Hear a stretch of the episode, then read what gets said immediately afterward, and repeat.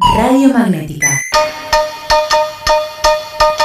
Radio Magnética. La Argentina está cumpliendo un papel decisivo en la integración industrial latinoamericana. Recientemente, Chrysler Febre Argentina concretó un convenio de exportación con Colombia que hasta hace poco tiempo hubiera parecido irrealizable.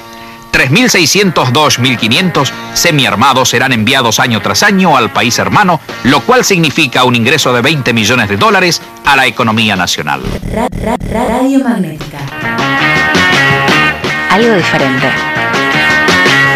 Programas de este tipo contribuyen a afianzar e intensificar el desarrollo económico y tecnológico de los pueblos. La idea de una América Latina industrialmente integrada es ya una realidad. Ra- ra- ra- Radio Magnética. Algo diferente. Al- al- algo diferente. Para escucharla con los dientes.